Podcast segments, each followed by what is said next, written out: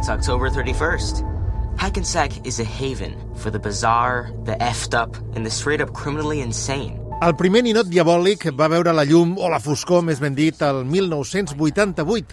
Des d'aleshores s'ha convertit en una icona gràcies a vuit pel·lícules amb dos denominadors comuns, Don Mancini i Brad Dourif. El primer és el creador i guionista, sempre ha estat al darrere de la saga i això li aporta una coherència molt necessària. La sèrie que s'estrena avui també porta la seva firma. L'altre fix, Brad Dourif, és l'actor que doble el ninot també des del principi i és el rostre de l'assassí que el va posseir. La seva filla Fiona, que també participa a la saga com a actriu, ha explicat a Catalunya Informació que s'han aprofitat tots els avantatges que ofereix la televisió. It's, it's where És on els estudis estan posant els diners, de manera que tenim més elements per jugar. I a més, en 8 hores pots aprofundir molt més en els personatges. Per exemple, expliquem l'origen de Charles Lee Ray, l'assassí que posseix el nino i sobre el qual els fans han estat especulant durant molt de temps. En definitiva, Don Mancini volia que Chucky fes por, però també que fes riure i que en alguns moments fos sensible. Blah.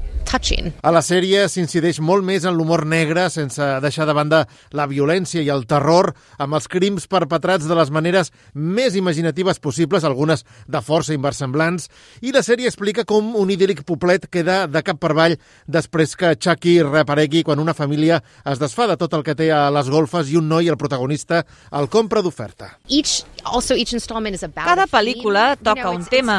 Estem parlant de terror reflexiu i, a més, que la sèrie strikes té més elements de terror que alguna pel·lícula, com per exemple La semilla de Chucky.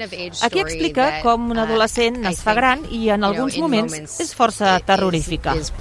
La sèrie, que es va estrenar als Estats Units amb èxit per Halloween, ja té segona temporada assegurada. Chucky is indestructible as a phenomenon. Chucky és indestructible com a fenomen. Segueix viu i aparentment és cada cop més popular. La raó per mi és que la innocència d'un nino és inherentment terrorífica si al final aquest nino cobra vida i t'assassina. També crec, i potser aquí estic influenciada per l'actuació del meu pare, que Chucky és molt divertit quan mata. Mata amb alegria. In his killing. I'm too old for this shit.